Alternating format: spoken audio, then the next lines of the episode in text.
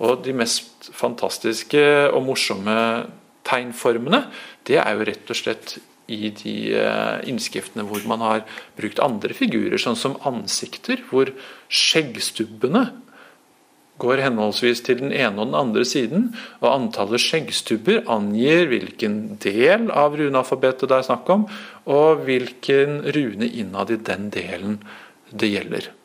Så kodene tar form som rett og slett ansikter som står på rad og rekke. Hvorfor gjorde de det på den måten? Det vet vi ikke. Eh, det virker som de har eh, funnet alle mulige tenkelige former, rett og slett fordi kanskje de syntes at det var morsomt. De kunne lage fisker med finner. Eller de kunne lage også eh, menneskefigurer med streker som hang ned fra armene.